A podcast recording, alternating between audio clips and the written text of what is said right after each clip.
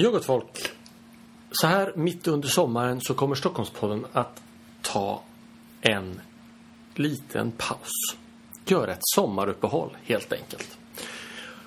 Och eh, för att ändå leverera nya poddar så kommer vi därför att plocka upp två gamla klassiker. Och den podden som jag eh, pratar om just nu det är faktiskt det första avsnittet av Stockholmspodden, det vill säga samtalet med Ingvar Carlsson. Om ni inte har hört det så skulle jag verkligen vilja rekommendera att ni lyssnar på den. För det ger svar på en massa spännande frågor om vår före detta statsminister. Jag menar, vem vill till exempel inte veta om Ingvar Carlsson mer definierar sig som boråsare eller kanske Tyresöbo? Och visste du förresten att Ingvar Carlsson under ett par år på 50-talet bodde i Järfälla? Igen, lyssna på Stockholmspoddens första avsnitt om du vill veta. Ha en trevlig sommar.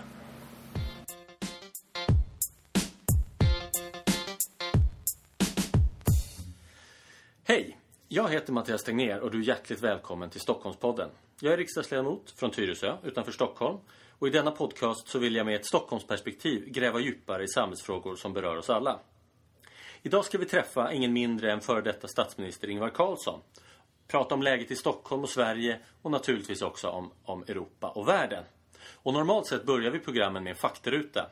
I det här fallet undrar jag om det verkligen behövs, men eh, vi kör ändå. Namn? Ingvar Karlsson. Ålder? Jag är 82 år. Civilstånd? Gift. Yrke? Ja, jag är pensionär men lite av samhällsdebattör får man väl kalla mig kanske nu. Favoritplats i Stockholm? Eh, ja, det är nationalparken som ligger här mellan Tyresö och Haninge. Fantastiskt för en naturälskare. Favoritrestaurang? Eh, Melanders fisk i Söderhallarna. Kommer från? Borås, Bor i? Tyresö. Skulle du rekommendera din hemkommun till andra? Absolut, och jag har gjort det med gott resultat också. Mina barn som eh, är födda i Tyresö flyttar in till Stockholm men är tillbaka i Tyresö.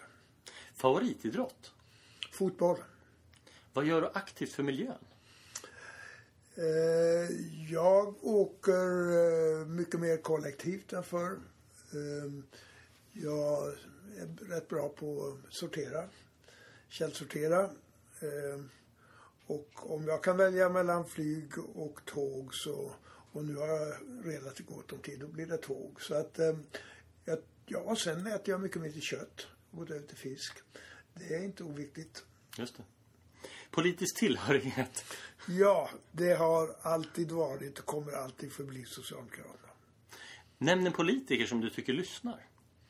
Just nu lyssnar jag på Mattias Tegnér, riksdagsman för Socialdemokraterna i Tyresö. Tack så mycket.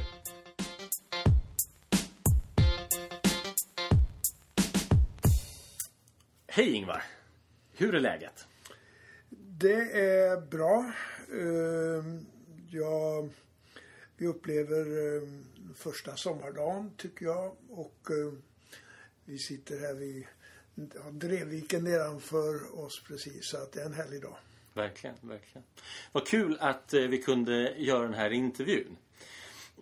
Du har varit ordförande i SSU, riksdagsledamot, statssekreterare åt Tage Erlander. Du efterträdde Olof Palme som utbildningsminister. Du har varit bostadsminister, miljöminister och statsminister mellan 1986 och 91 och 94 till 96.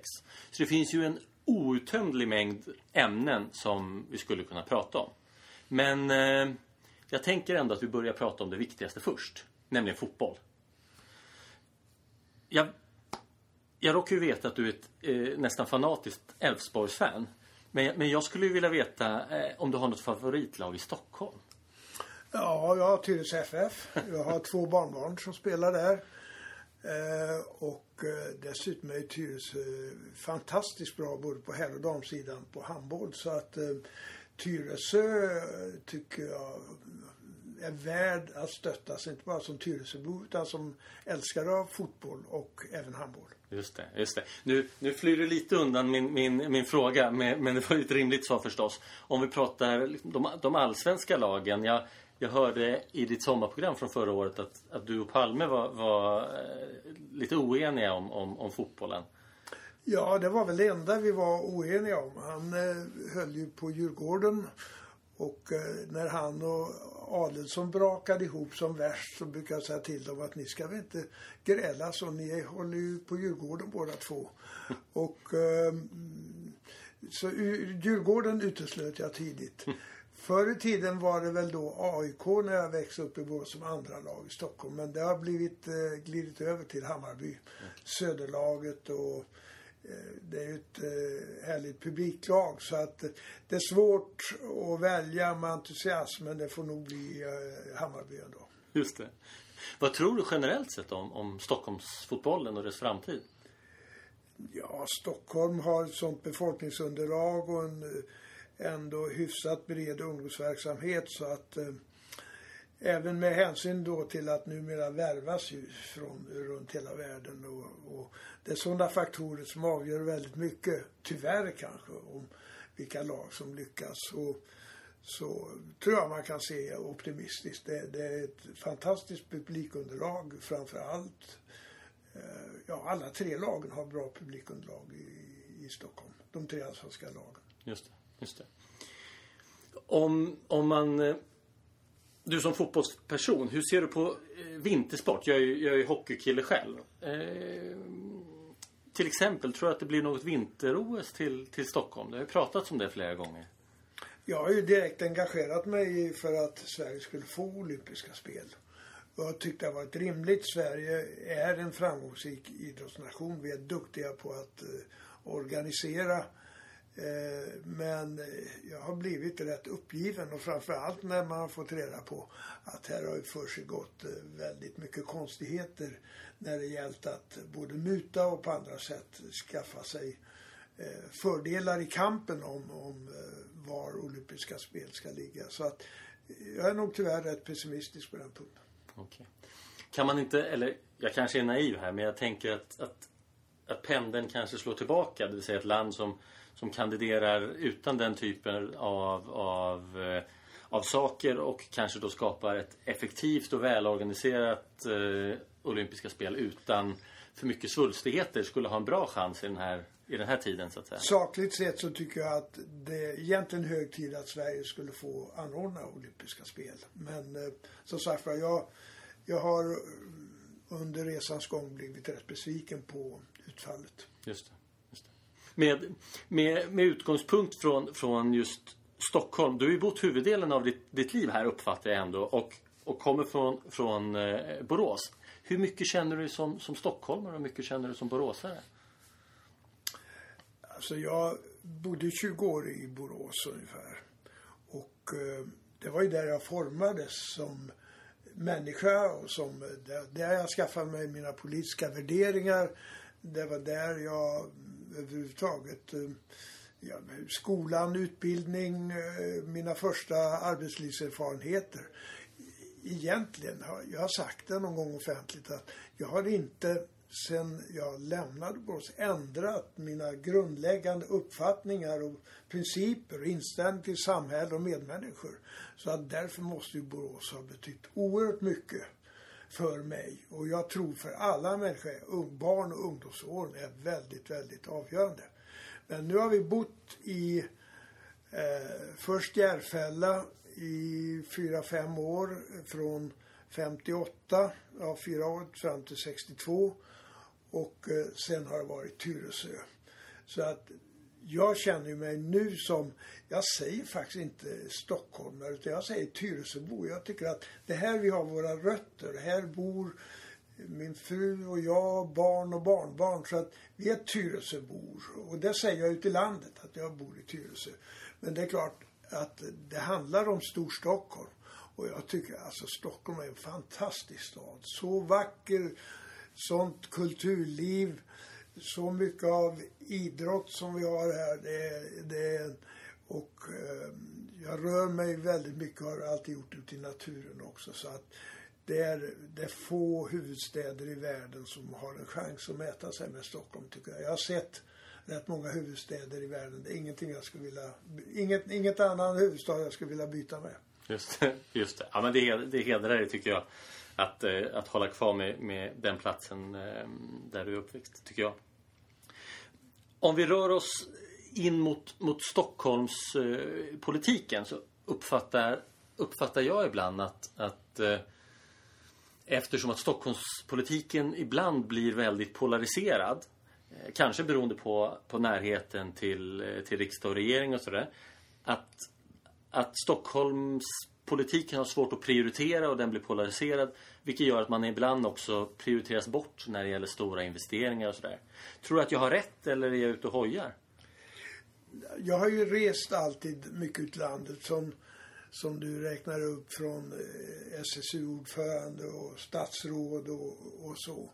Och där är ju uppfattningen att Stockholm är väldigt favoriserad. Och det är inte bara göteborgare som tycker det, för de tycker det extremt mycket. Men, men ute i landet är uppfattningen att Stockholm är favoriserat. Och jag brukar alltid säga då att eh, där har ni inte alldeles rätt därför att eh, om vi tittar till exempel på idrottshallar, ishockeyrinkar, eh, på en hel del kulturinstitutioner så är inte minst Stockholms södra förorter eh, och ungdomar och människor som växer upp där missgynnade i förhållande till stora delar av Norrland till exempel och, och, och även i andra delar av Sverige. Eh, så att det är, inte, det är inte alls, Stockholm har inte alls så många fördelar som eh, många inbillar sig. Och för politikerna i Stockholm är det väldigt viktigt att göra klart det. För här, här råder en uppfattning att i Stockholm är det guld och gröna skogar. Och, och så enkelt är det inte, det vet vi som bor där. Just det. Just det.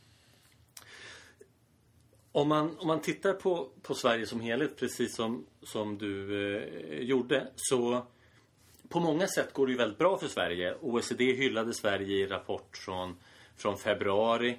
Och samtidigt när man eh, frågar människor så är det väldigt många som tycker att det går åt fel håll. Kanske inte för dem själva men för, för landet. Vad, hur ser du på, på uh, utvecklingen i Sverige och, och de utmaningar som Sverige står inför? Jag har fått vara med om en fantastisk resa från eh, faktiskt Sverige som är ett ganska fattigt land. Jag är född på 30-talet. Eh, min pappa dog när jag var 12 år. Eh, han har jobbat hårt hela sitt liv men efterlämnade, tror jag, 700 kronor. Min mamma fick ta över ansvaret, textilarbeterska, lågavlönad. Men jag och mina två äldre bröder, vi kunde ändå börja i läroverket och få en utbildning och sen har jag varit med om uppbyggnaden då av skola, eh, om forskning, om eh, vår eh, sjukhusvård, semester. Folk fick råd att skaffa sig TV, bil och annat. Det är en otrolig utveckling som Sverige har gått igenom nu till en av världens rikaste länder. Och eh, jag hörde en debatt här kvällen där det var våldsamma angrepp mot regeringen nu trots att de borgerliga nyligen hade ansvar för vår eh, sjukvårdspolitik. Men på tv i morse visade det sig att när man hade nu gjort den senaste undersökningen om den bästa vårdpolitiken i världen så kom Sverige på fjärde plats. Mm. Och i nästan alla undersökningar görs, görs många nu om miljöpolitik, om skola, om välfärdspolitik, eh, om konkurrensförmåga. Så kommer ju inte bara Sverige utan de nordiska länderna nästan alltid bland de tio första, på de tio första posterna. Och den här nordiska samhällsmodellen, som vi kan kalla det, den anses ju av många forskare vara den mest anständiga som överhuvudtaget har skapats i världen. Så trots brister som vi har, och det har vi förvisso många fortfarande, så tycker jag ändå man ska starta med att säga att ja, vi har varit framgångsrika. Men vad är, har vi då i framtiden? Ja, vi har allvarliga problem. Vi har ökade ekonomiska klyftor. Vi har en ungdomsarbetslöshet som är alldeles för hög. Och inte minst har vi i världen klimatproblem som ju faktiskt hotar eh, på sikt mänsklighetens möjlighet att leva på det här klotet om vi inte tar det tillvara. Så det är en blandning av stora framgångar men också stora utmaningar. Just det.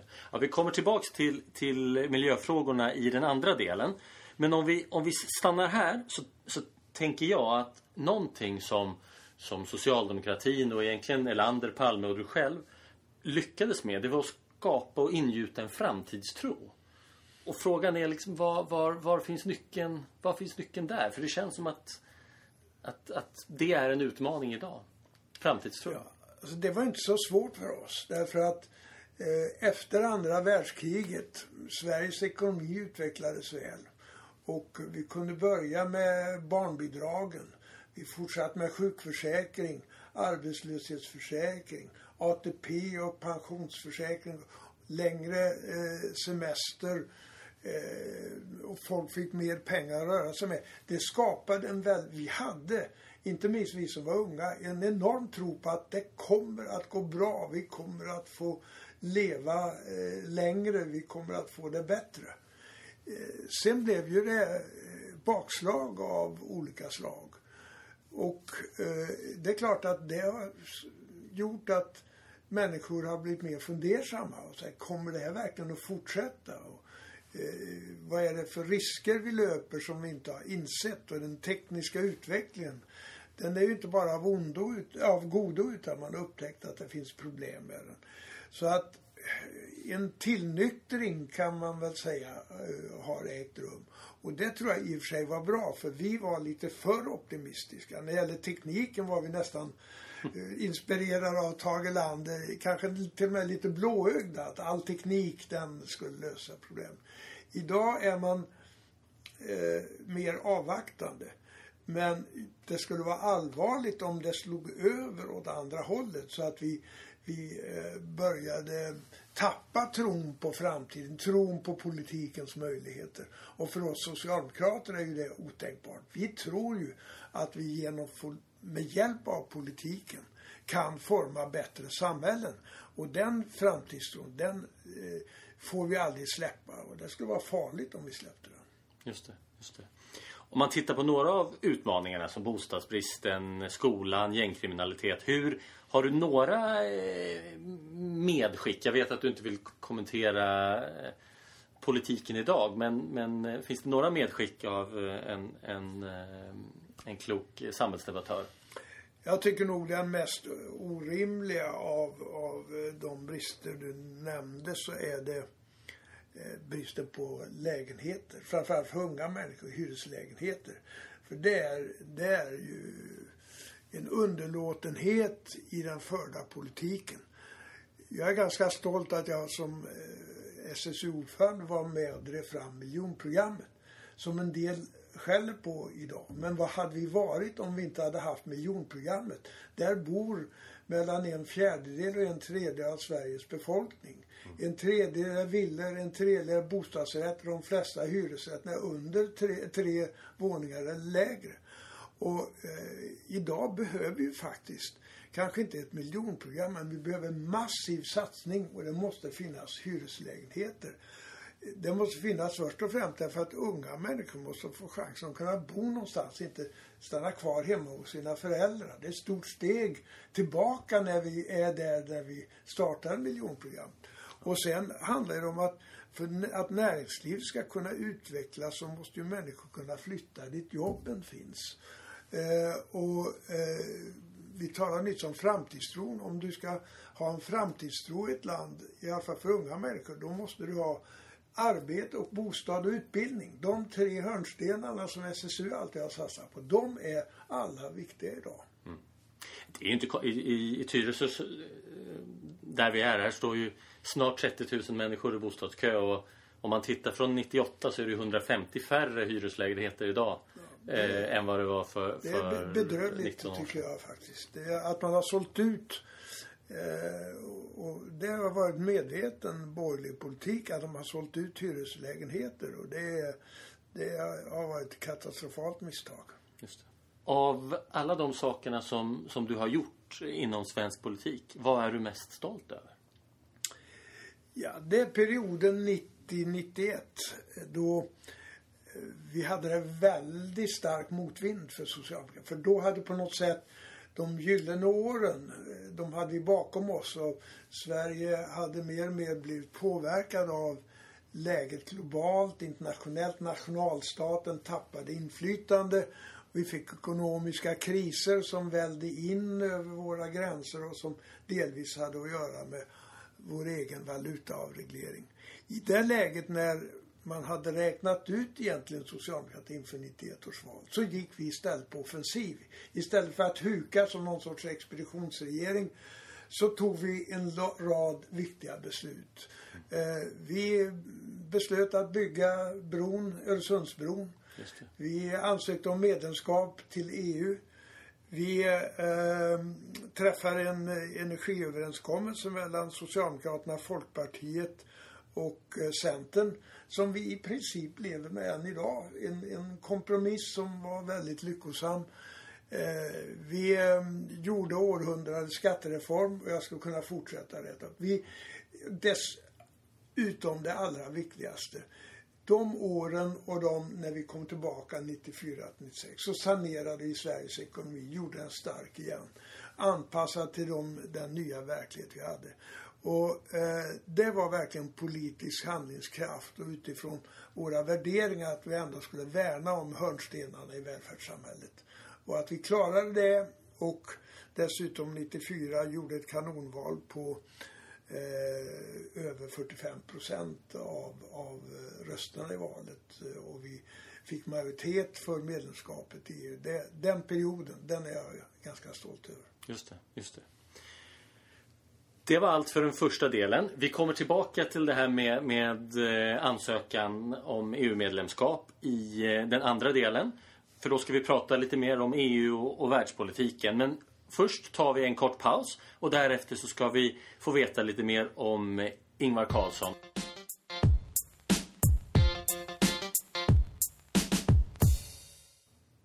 Favoritstockholmare? Eh, jag kommer spontant tänka på Gösta Ekman som när vi sitter här eh, nyligen eh, tyvärr avled. En fantastisk skådespelare med både humor och allvar på sin agenda och en, en riktigt härlig stockholmare dessutom. Just det. Favoritmaträtt? Piggvar. Eh, helst fiskad eh, på gotländska östkusten. Favoritgata? Ja, jag tycker att varje stockholmare bör unna sig någon vacker vårdag eller sommardag att ta en promenad på Fjällgatan. Då har du då har du hela Stockholms inlopp och eh, du har mot Skansen och Djurgården och, och eh, Stockholms innerstad. Favorit? Ja, favoritmuseum? Eh, ja, det är Moderna Museet. Favoritbar? Operabaren. Favoritstad näst efter Stockholm då? Alltså jag hade två fantastiska år, Inger och jag, i Lund när vi läste. Och eh, jag älskar ju Lund. Men å andra sidan, eh, utan Borås, vad hade det blivit av mig? Och där finns Älvsborg och mycket annat. Så att det får bli Borås ändå.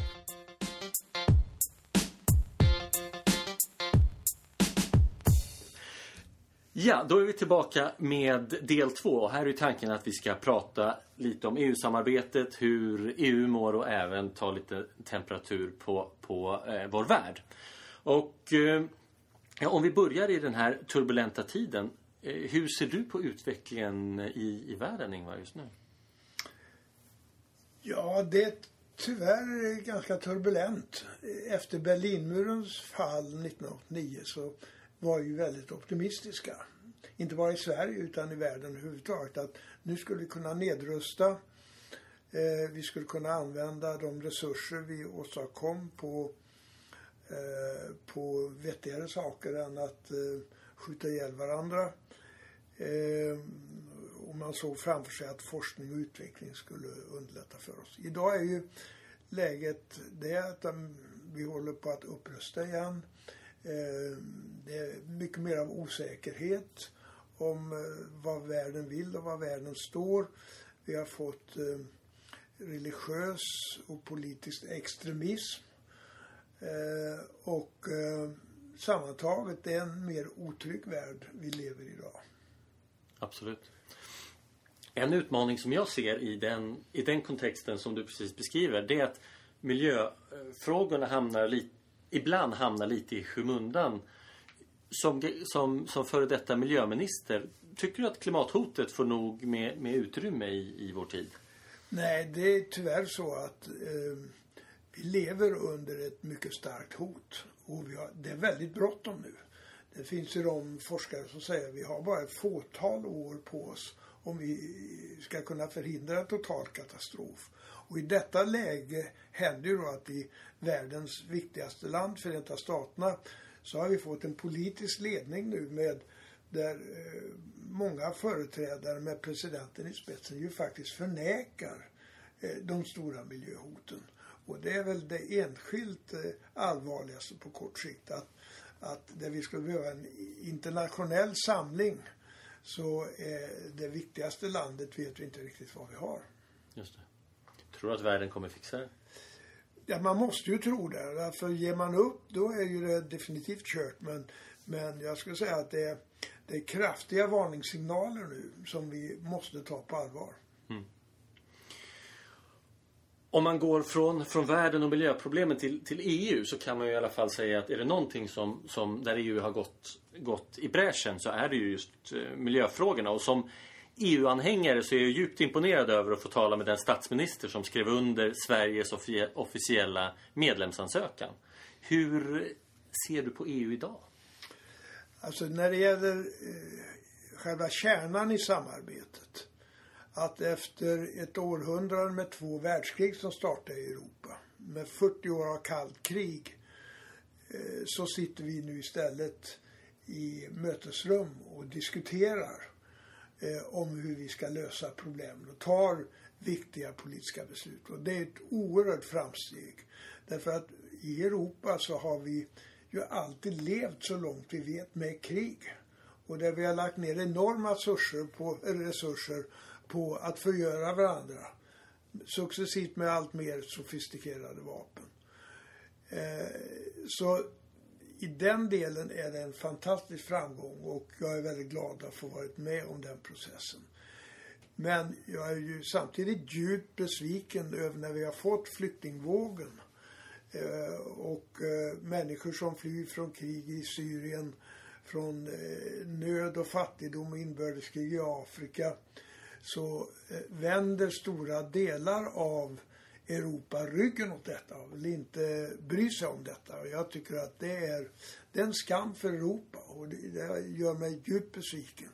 Och det märkliga är ju att de två länder som då faktiskt har försökt göra någonting, Tyskland och Sverige, har fått mycket av kritiken internt eh, för vad vi har försökt göra när eh, strålkastarljuset bör riktas mot de länder. Många av dem tagit emot stort stöd av EU och nu inte själva är beredda att återgälda solidaritet med människor som flyr för sina liv. Det, det, eh, det, det måste jag säga att det har gjort mig väldigt sorgsen. Just det. Ja, det är ju en av nyckelfrågorna på de kommande eh, mötena i, i Europeiska rådet. Just det här med, med att fördela ansvaret för flyktingpolitik. Ja. Tror du på ett avtal där under?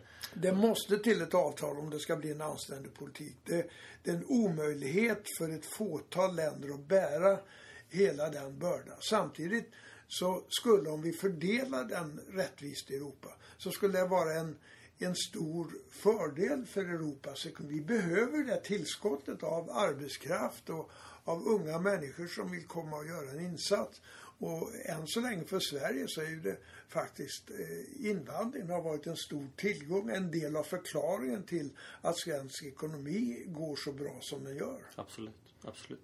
När vi pratar om avtal jag nämnde ju att, att eh, du var den statsminister som skrev under den officiella medlemskapsansökan till EU. Vilken penna använde du? Ja, pennan var inte det viktigaste men eh, men att få sätta sitt namn under det här, det var ju ett historiskt viktigt beslut. Och eh, det är klart, eh, det ska jag inte sticka under bestol att jag, att jag är väldigt glad. Framförallt som eh, det här var ingen lätt process. Det fanns delade meningar i Sverige, det fanns delade meningar inom socialdemokratin. Men i grundfrågan kände jag aldrig någon tveksamhet. När det kalla kriget hade upphört och neutralitetspolitiken inte längre har något hinder i vägen, då skulle Sverige självfallet delta i det europeiska samarbetet. Det är något groteskt att vi ska ha politik i lokal, i, i kommuner och landsting. Vi ska ha självfallet politik i nationalstaten. Vi ska ha politik i, på den globala nivån och FN och, och, andra åtgärder. Men av någon underlig anledning så hävdar då en del att vi, i Europa, i regionerna, så behövs ingen politik. Där ska man släppa loss marknadskrafterna. Mm. Eh, det är det som är katastrofen, att marknadskrafterna fått härja alldeles för fritt. Så att politiken behövs självfallet på alla de här fyra nivåerna. Mm. Verkligen, verkligen. Ja, jag, som, jag, som jag sa från början så är det lite imponerande. Men, men pennan har du inte sparat alltså? Pennan har jag inte sparat. Nej. Men jag hoppas namnteckningen finns ja. sparad. det är sant, det är sant. Eh, när vi pratar om, om EU så har, har ju EU-samarbetet ändå skakat en del. Dels efter Brexit-omröstningen men också i samband med presidentvalet i Österrike och, och, och nu även eh, Eh, inför eh, valet i Frankrike. Hur tror du att Brexit-processen kommer att sluta? Ja, det är ingen som vet men eh, jag tycker det är sorgligt. Storbritannien eh, hade behövts inom EU och faktiskt, jag är helt övertygad om att Storbritannien behöver EU. Så jag anser att det är ett stort misstag. Det var en politisk gambling av dåvarande konservative premiärminister där han försökte lösa ett internt problem inom konservativa partiet genom att utlysa en folkomröstning. Så, så det är sorgligt och det innebär en försvagning av Europasamarbetet men på intet sätt slutet. Och vi får väl se. Eh, det här är en process. Och det har varit överraskningar hittills åt det ena hållet. Det kanske kan bli överraskningar åt andra hållet. Det återstår att se. Just det, just det. Personligen så tycker jag en av, en av de största argumenten för EU-samarbetet det är ju dess track record när det gäller fred. Europa har ju varit nerlusat med krig egentligen ända sedan början av vår historia. Nu helt plötsligt har vi en, en lång period med fred. Jag tror inte att det är en slump utan att det har med, med, med EU att, att göra. Vad skulle du säga är det, är det bästa argumentet för, för EU, EU-samarbetet? Ja, det grundläggande argumentet är just att istället för att kriga mot varandra och eh, och misstänkliggöra varandra eh, och gå bakom ryggen på varandra så ska vi eh, ha ett öppet eh, och konstruktivt samarbete som syftar till att värna om Europamedborgarnas trygghet och, eh, och eh, ekonomiska och sociala utveckling. Det är det grundläggande. Sen finns många andra kompletterande uppgifter och, och man måste göra, det finns forskningspolitik, det finns eh, miljöfrågorna och, och, och det finns eh, naturligtvis detta att vi måste förhålla oss tillsammans mot omvärlden, göra en insats inom Förenta Nationerna. Men för mig är det grundläggande just att vi istället för att rusta för krig och bekämpa varandra så ska vi eh, mötas och samtala och gärna eh, med, med hårda ord men det ska vara ord och inte vapen. Just det. Samtidigt, och det här är ju väldigt olika i olika europeiska länder, så är det ju uppenbart att, att eh, många att en del av medborgarna i, i Europa inte liksom, ser finessen med Europasamarbetet. Och det är väl lite kopplat till populismen också.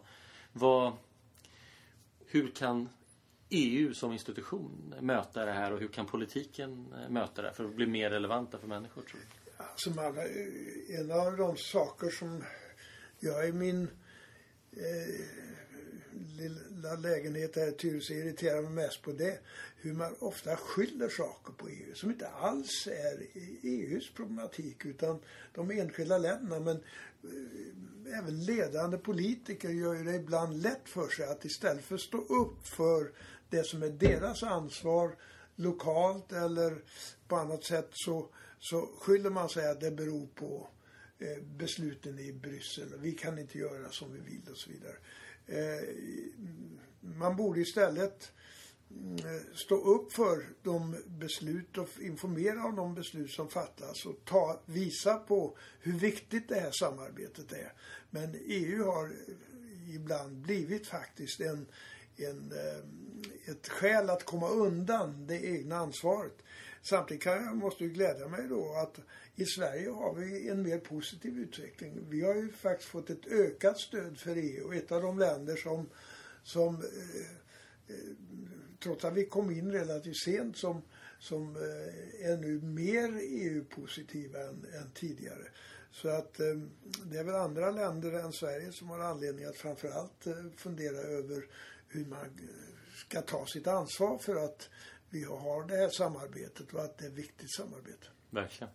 Jag tänker på det du, det du säger om, om ledare som inte, inte tar sitt ansvar. Jag hörde en, en kommentator eller en analytiker kopplat till Brexit som, som konstaterade att det är inte konstigt om man i, i 20 år har, har gnällt eller har skylt allt negativt på EU i Storbritannien. Att, att man sen när man ber medborgarna att rösta, att det är många som ändå kommer ihåg de här 20 åren av, av, av negativa saker. Och då, för mig är det naturligt att då ramla in i, i valet i Frankrike. Hur, viktigt, hur viktig var Macrons seger i, i Frankrike som också lyfter upp det positiva med EU? Ja, framförallt var ju det viktigt på det sättet att eh, eh, Le Pen inte blev president. Att, att det var ju en överlägsen seger eh, för demokrati och anständighet till att börja med. För att sen kan man diskutera kommer den, hur kommer den här regeringen under den här presidenten att hantera olika sakfrågor. Och där kan man vara, och jag är lite tveksam till att högern har fått så stort inflytande över den ekonomiska politiken. Men i grundfrågan om, om att vi ska ha ett Europa som styrs på anständiga demokratiska grunder och demokratiska värderingar så var ju valet både i Frankrike och i Nederländerna klara, tydliga framgångar som jag tycker man ska glädjas åt. Är Europas framtid ljus? Eh, ja, så enkelt som att säga att den är vare sig mörk eller ljus, är den inte. Europas har stora fördelar. Vi har en eh, generellt sett bra utbildningsnivå. Vi har en i alla fall hyfsad ekonomisk utveckling och konkurrenskraft. Vi har både stora länder som Tyskland och de nordiska länderna som ligger i absolut framkant i världen. Eh, vår sammanlagda köpkraft och vår industriella kapacitet, forskningskapacitet är hög. Eh, men eh, vi har också brister. Vi har inte kunnat hantera den stora flyktingströmmen och Europa eh, kan inte eh, springa ifrån sitt ansvar för utvecklingen i världen. Där skulle jag vilja se mycket större både medvetenhet och självmedvetenhet. Eh, Europa måste också stärka samarbetet mellan de fattigare länderna i Europa och de rikare. De fattigare länderna, och vi har fattigdom i Europa, måste känna att Europa är solidariskt och att eh, det blir en bättre framtid med, eh, genom att vara med i Europa än att stå utanför. Och sen eh, måste Europa eh, ta ett globalt ansvar. Och det handlar både om fred och säkerhet och det handlar om klimatpolitik. Eh, och det handlar om, om eh, att människor måste ha en tro på framtiden. Att det är möjligt med att genom politiskt samarbete skapa bättre förutsättningar för den enskilde. Ända ner i den minsta lokala kommunen. Vilken bra avslutning. Tack så mycket för samtalet Ingvar Carlsson. Tack, tack. Ja, vad kan man säga? Det enda jag tänker på efter att ha lyssnat på Stockholmspoddens första avsnitt med Ingvar Carlsson det är ju vilken fantastisk man Ingvar Carlsson är. Så klok, så mycket erfarenhet och ändå så ödmjuk. Jag hoppas att du har njutit av samtalet med Ingvar Carlsson och jag kan också ta chansen att göra reklam för nästa avsnitt som vi kommer släppa. Och det är en nyinspelning eller ett nysläpp av samtalet med Carl Bildt. Det kommer om två veckor, missa inte det. Dagens producent var Arvid Linder. Igen, ha en trevlig sommar.